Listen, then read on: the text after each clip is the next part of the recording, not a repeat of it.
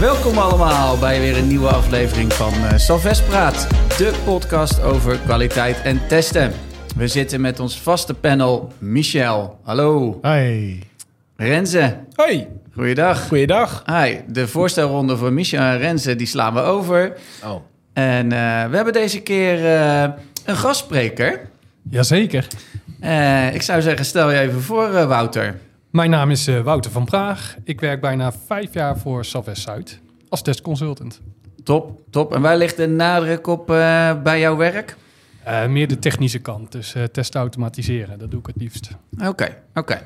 Nou, dat komt wel goed uit, want we hebben ook weer een aantal stellingen gehad van uh, wat collega's. Die zijn bereid geweest om die in te spreken. En als ik hier op mijn blaadje kijk, dan, ja, dan komt jouw onderwerp wel, wel voorbij.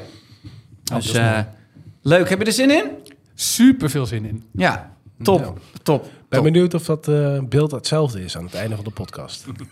We gaan het zien en meemaken. Even een tip van de sluier. Ik ga met de eerste stelling beginnen. Komt ie, hè? Hoi, Paul Alders hier.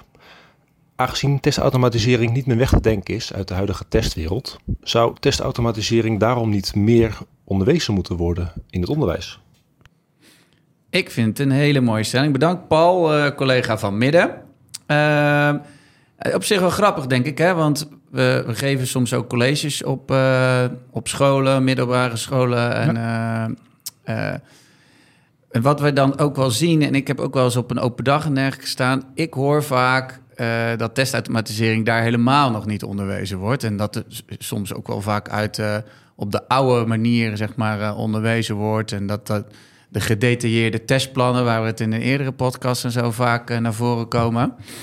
Dus ik ben wel heel erg benieuwd uh, ja, hoe jullie dat zien en uh, ja, wat jullie meemaken. Michel die heeft er in ieder geval, weet ik, al wel eens een college gegeven ja. bij de Avans. Ja, klopt. Ja, wat je, wat je daarin ziet is dat er uh, vooral wordt gekeken naar het proces. Hè? Dus Agile um, hebben ze echt een module om dat om dat te leren, ook met product owners en met Scrum Masters. Dus dan gaan ze daarmee aan de slag.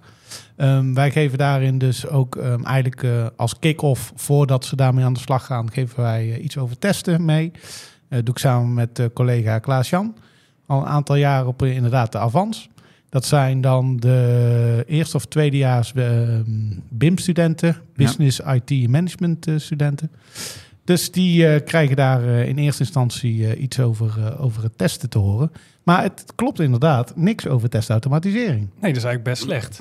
Want testautomatisering krijgt een steeds belangrijke rol bij softwareontwikkeling. Het is eigenlijk cruciaal. Dus als je die studenten goed onderwijst, dan hebben ze gewoon een voorsprong op de arbeidsmarkt ten opzichte van anderen. Ik sprak laatst trouwens een bekende van mij, die ontwikkelt websites. En daarin vroeg ik, oh, tegenwoordig test ik ook een, een website. Dus dan moet je echt kijken naar de kleur en de font en alles.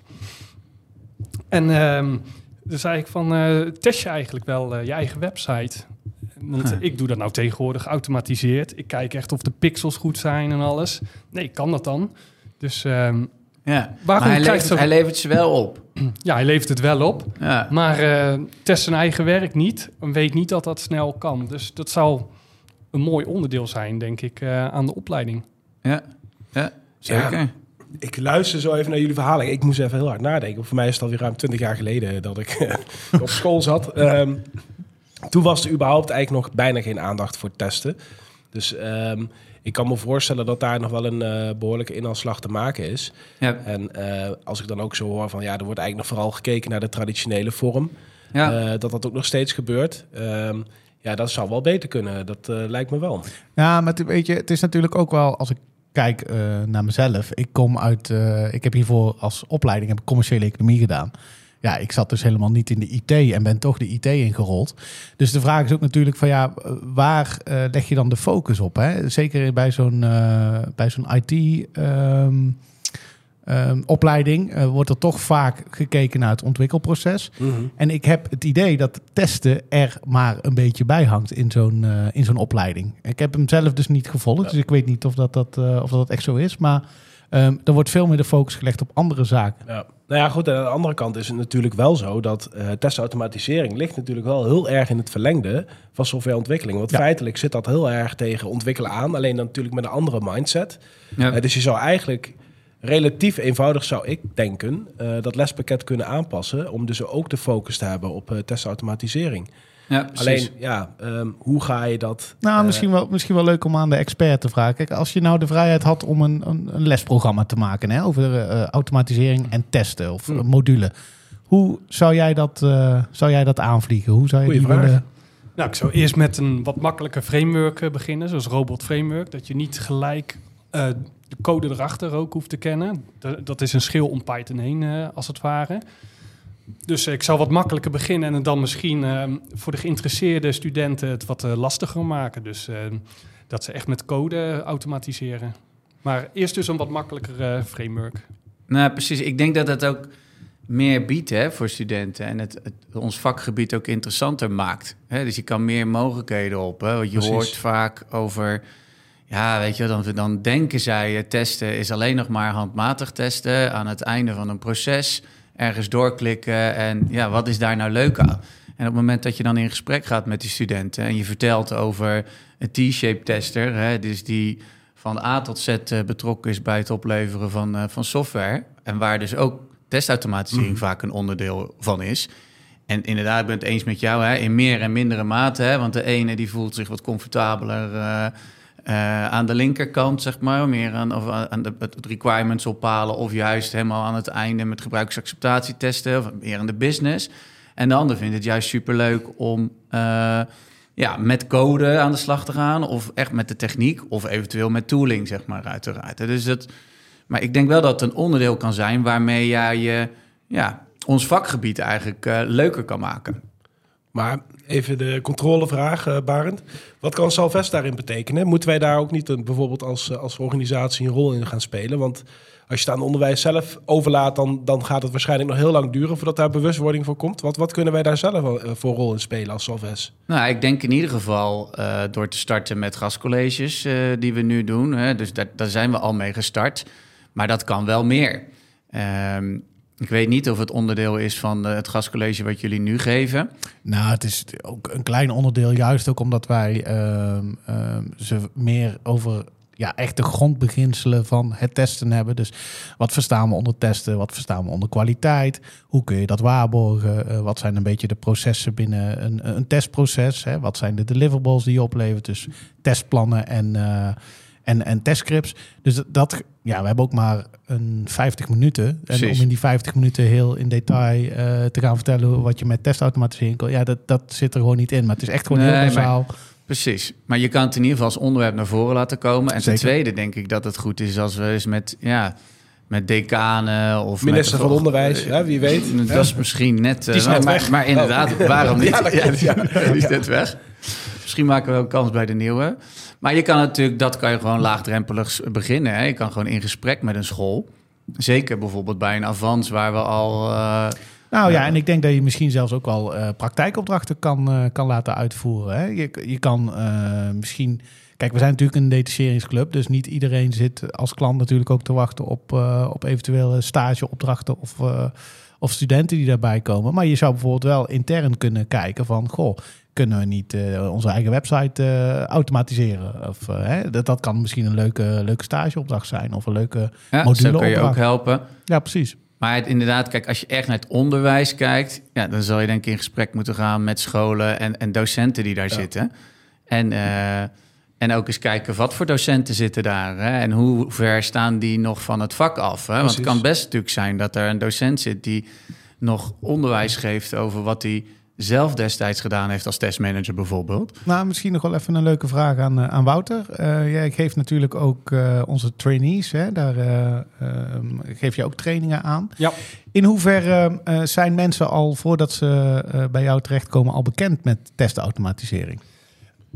Mm, de helft van de trainees is meestal wel technisch onderlegd. Mhm. Dus die, ehm, ik geef dan een Java basiscursus, onder andere. En eh, die kunnen makkelijk meekomen, omdat ze het al in het onderwijs hebben gehad. En de andere helft daarvoor is het echt nieuw en eh, lastig. En je moet het ook echt leuk vinden en willen om eh, de testautomatisering kant in te gaan. Ehm, zelf geef ik geen training trouwens eh, op, het vlak van testautomatisering, maar zo'n Java basiscursus geeft wel de basis. Mhm. Ja. Het zegt het al, om te gaan automatiseren later Ja. met Java onder Je andere. hebt, je hebt echt twee Ja. kan, kampen, denk ik. Hè? Je hebt echt, of iemand vindt het echt heel leuk, of iemand ja, is gewoon, vindt het niet leuk. Het is niet dat je mensen hebt die het er een beetje bij doen. Is dat denk Nee, zo? klopt. ik. Ja, dat- Nou, ik denk het niet. Binnen de testautomatisering heb je denk ik ook nog eh, meerdere Ik kanten. zeggen. Ja, mensen die het echt leuk vinden om eh, met de code te rommelen. En mensen die met een tool als Tosca heel erg bedreven zijn en dat eh fijner vinden. Precies. Ja, daar ben Want ik er een van. Ja, want ik ken, Ik ik wil ken niet te veel zelf diepgang, consultants die, wat dat betreft. eh, ja, die echt wel de tooling graag toepassen en dat ook leuk vinden om te doen. Maar waar dan weer de echte code induiken, bridge to far is, zeg maar. En dat ze daar eigenlijk niet, eh, niet aan willen beginnen. Nee. Nope. En ja, dat is juist het punt dat eh, de andere helft hartstikke leuk vindt. Het eh, puzzelen, het uitzoeken. En eh, dan het Eure- Eureka-momentje als het eindelijk lukt. Ja, Ja. Ah. Zie, zie jij nou ook een bepaalde trend ehm, in eh, ehm, het feit dat er steeds meer codeless zeg maar, geautomatiseerd wordt of, eh, of niet? ja, ik denk het wel. Je hebt ook veel schillen om, eh, om, om programmeertalen heen. Zoals Robot Framework, dus om Mhm. Python. Dus ehm, ja, en dat wordt ook eh, goed onderhouden en eh, uitgebreid. Er zijn eh, mensen dedicated bezig om Robot Framework bijvoorbeeld te onderhouden en uit te breiden. Dus ehm, ja, er is veel over te vinden ook. ja, heel ontzettend veel documentatie inderdaad. En ChatGPT helpt mij ook flink tegenwoordig. Samen met Google, dat was het voorheen. En Ja, eigenlijk het nieuwe Google. ja, eigenlijk wel. Ja. Ja. Ja, leuk. Ehm, ja, dus testautomatisering zou meer in het onderwijs moeten onderwezen. Ja, Ja, denk ik, hè? Ja, zeker. Oké, en daar kunnen wij ook wat in betekenen. Dus dat is een mooi, eh, nou, dat is een mooi streven, denk ik dan. Lijkt me wel. Zeker. Oké. Gaan we naar de tweede stelling eh, van vandaag. Van onze collega eh, Karan. Hey, Karan Kapeldeelsing hier. Ik heb de volgende stelling voor jullie. Het is onmogelijk om software volledig bugvrij te maken. Eh, eens? Ja, ik, Kunnen ja, we kort over zijn ja, dan? ja. ik, ben volgende. Benieuwd, ik ben benieuwd naar degene die zegt eh, hè, dat het eh, volledig bugvrij opgeleverd kan worden. Dat, dat is gewoon een utopie. Ehm, volgens mij hebben we het al eens eerder in de, in de podcast besproken. Hè, je kunt nog zo goed je testvoorbereiding op orde hebben, zoveel mankrachten tegenaan zetten. Ehm, ja, je kunt heel goed nadenken over je goed- en foutpaden. Je kunt eh, de beste eh, testtechnieken erop loslaten. Maar eh, zodra jij die eindgebruiker ermee laat werken, die vindt altijd wel iets waar je nooit aan gedacht hebt. Ik weet niet wat jullie ervaring daarin is, maar ik heb toch nog wel regelmatig te maken met situaties. Maar hoe dan? Ja, het Waarom- lijkt mij onmogelijk om vooraf alle combinaties van systeemconfiguraties, gebruikers, acties, systeemconfiguraties, zei ik net al. Ja, om dat vooraf allemaal te bepalen. Het, het, het zit ook natuurlijk niet in de tijdsgeest van nu. Hè? Kijk, alles moet sneller, alles moet complexer, alles moet... eh, hè, time to market is, eh, is essentieel. Ja. Dan kun je ook niet alles blijven testen. Sterker nog, dat is, dat is theoretisch eh, misschien haalbaar, maar... Ja, in de praktijk is dat gewoon niet haalbaar. Want dan ben je gewoon drie, vier jaar aan het testen... voordat je überhaupt iets naar productie zou kunnen brengen. Maar heb je dan wel iets van een streven of zo? 95 procent? ik. Nee, Ja, maar hoe weet op, je dat? Op, op basis van wat? Ja, ja, geen idee. Nee, Nou ja. ja, kijk, het, wat ik dan altijd zeg is eh, op basis van requirements en eh, be- bepaalde acceptatiecriteria accepteer je dat software eh gereleased wordt. Kijk, kijkende naar, ik heb hem volgens mij ook al een keer gezegd, kijkende naar Apple en Microsoft, die brengen ook geen bugvrij software op. Die leveren ze ook niet op. En dat kan ook niet, want het is heel kostbaar en je moet heel veel resources inzetten. Dus je gaat op basis van best effort, efficiëntie, ga je eh, nou, op basis van misschien een productrisicoanalyse, ga jij bepaalde risico's mitigeren en Ja, uitsluiten. heb je dan nou- heb je wel situaties meegemaakt dat je dan eh, toch live bent gegaan en achteraf baalt? Ja, tuurlijk. Tuurlijk. Dat, eh, als En ga je dan de volgende keer wat anders doen? Nou, je neemt dan dat stukje mee. Dat je zegt van hé, hey, ehm, op basis van, eh, van het falen van een bepaald stuk software, neem je dat voortaan mee in je regressietest. En zo wordt je regressietest bij mij in ieder geval steeds robuuster. Omdat je namelijk telkens weer net die kleine stukjes meeneemt die je, die je niet hebt geraakt. En dat, ehm, ja, zeker in de agile proces, is het natuurlijk ook veel makkelijker om eh, nieuwe releases eh, op productie uit te brengen, zodat je eh, veel snellere feedback loop hebt. Kijk, vroeger, ik ben tester geweest bij een, een softwareleverancier in de zorg. Daar brachten wij om de zes maanden een major release uit. Ja, en als dan een klant terugkomt met een, met een blokker op dat moment, ja, dat is dan wel, wel killing. En daar baal je dan wel van. Ja. Maar ja, weet je, het is niet altijd uit te sluiten, omdat dat programma's zijn die zo complex zijn en zo groot.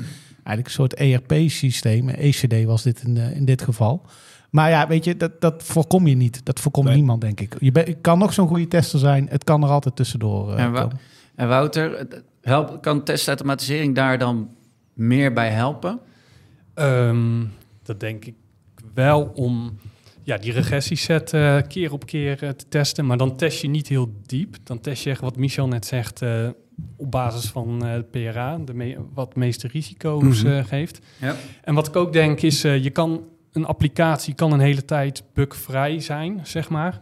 Maar je moet ook nog rekening houden met toekomstige soft- software-updates. En je hebt nog externe applicaties die misschien in je systeem zitten. Je weet niet wat dat allemaal doet. En ja, misschien kan AI in de toekomst wel helpen om het meer bugvrij te maken. Maar 100% gaat nooit lukken. Nee. Nee, maar zelfs, zelfs dan nog, hè, ook al eh, lijkt het initieel bugvrij opgeleverd te zijn, eh, en heb je die software eh, gedegen getest, whatever that may be, ehm, kan het ook zo zijn dat bijvoorbeeld het werkproces verandert. Dus er wordt op een andere manier met, eh, met de software omgegaan dan aanvankelijk gedacht. En daardoor kunnen er dus nieuwe situaties ontstaan waar nooit rekening mee is gehouden. En dat uitzicht dan bijvoorbeeld in een bug. En eh, dan kun je de discussie gaan voeren van in hoeverre is het dan een bug. Hè? Maar eh, ja, dat, die situaties komen ook gewoon voor. Maar Ja, is het jullie het uitdaging dan voorkomen. om dat van tevoren te bedenken? Zoveel mogelijk Ja, situaties? natuurlijk. Maar dan, nogmaals, eh, je hebt te maken met een aantal pijlers. En dat is tijd, geld en, en middelen. Ah, en daar moet je wel het beste uit halen. Dus balans. Ja. als we willen, kunnen we met, op, op, op een klein project met 20 testers gaan zitten. En een jaar lang eh, helemaal alles eh, voorbereiden. En eh, alle functiepunten benoemen, alle testpaden, noem de hele rattenplan maar op. Nou, Maar ja, dat is geen, Nee, geen dat is realiteit. Dus je moet altijd. waarschijnlijk niet mogelijk. Nee, ja, nee precies. logisch. Oké, cool. Dus volledig bugvrij dat gaat hem niet worden. Nee, Nee. Maar we maken met z'n allen de beslissing om naar productie te gaan of niet. Ja, en bedenk maar zo, het ligt niet aan die tester. Het is tenslotte verkeerd ontwikkeld. Nee, dat is gekkigheid natuurlijk. Maar vaak krijg je dat wel als eerste terug. hey, is het dan niet goed getest? Ja, nee, ja, misschien niet. Maar aan de andere kant, het begint bij het begin. Nou, maar jullie zijn een team, toch? Zeker. Ja. Ja.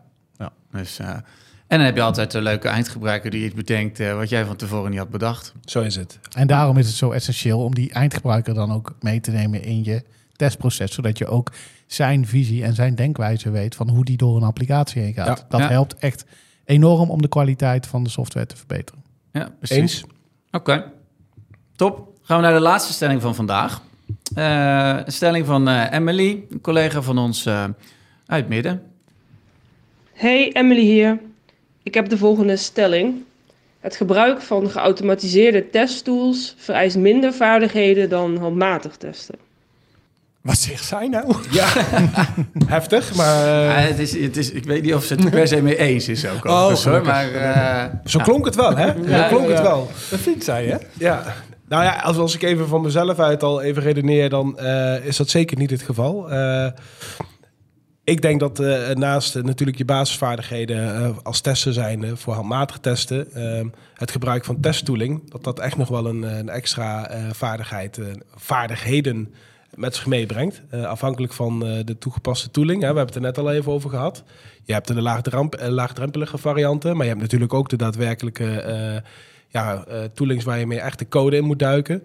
Nou, als ik naar mezelf kijk, dat laatste is niet echt aan mij besteed. Daar ligt mijn interessegebied ook niet. nee. Dus stel dat ik dat moet toepassen, dan, dan kost mij dat echt heel veel meer effort en vaardigheden die ik dan nog niet voldoende bezit.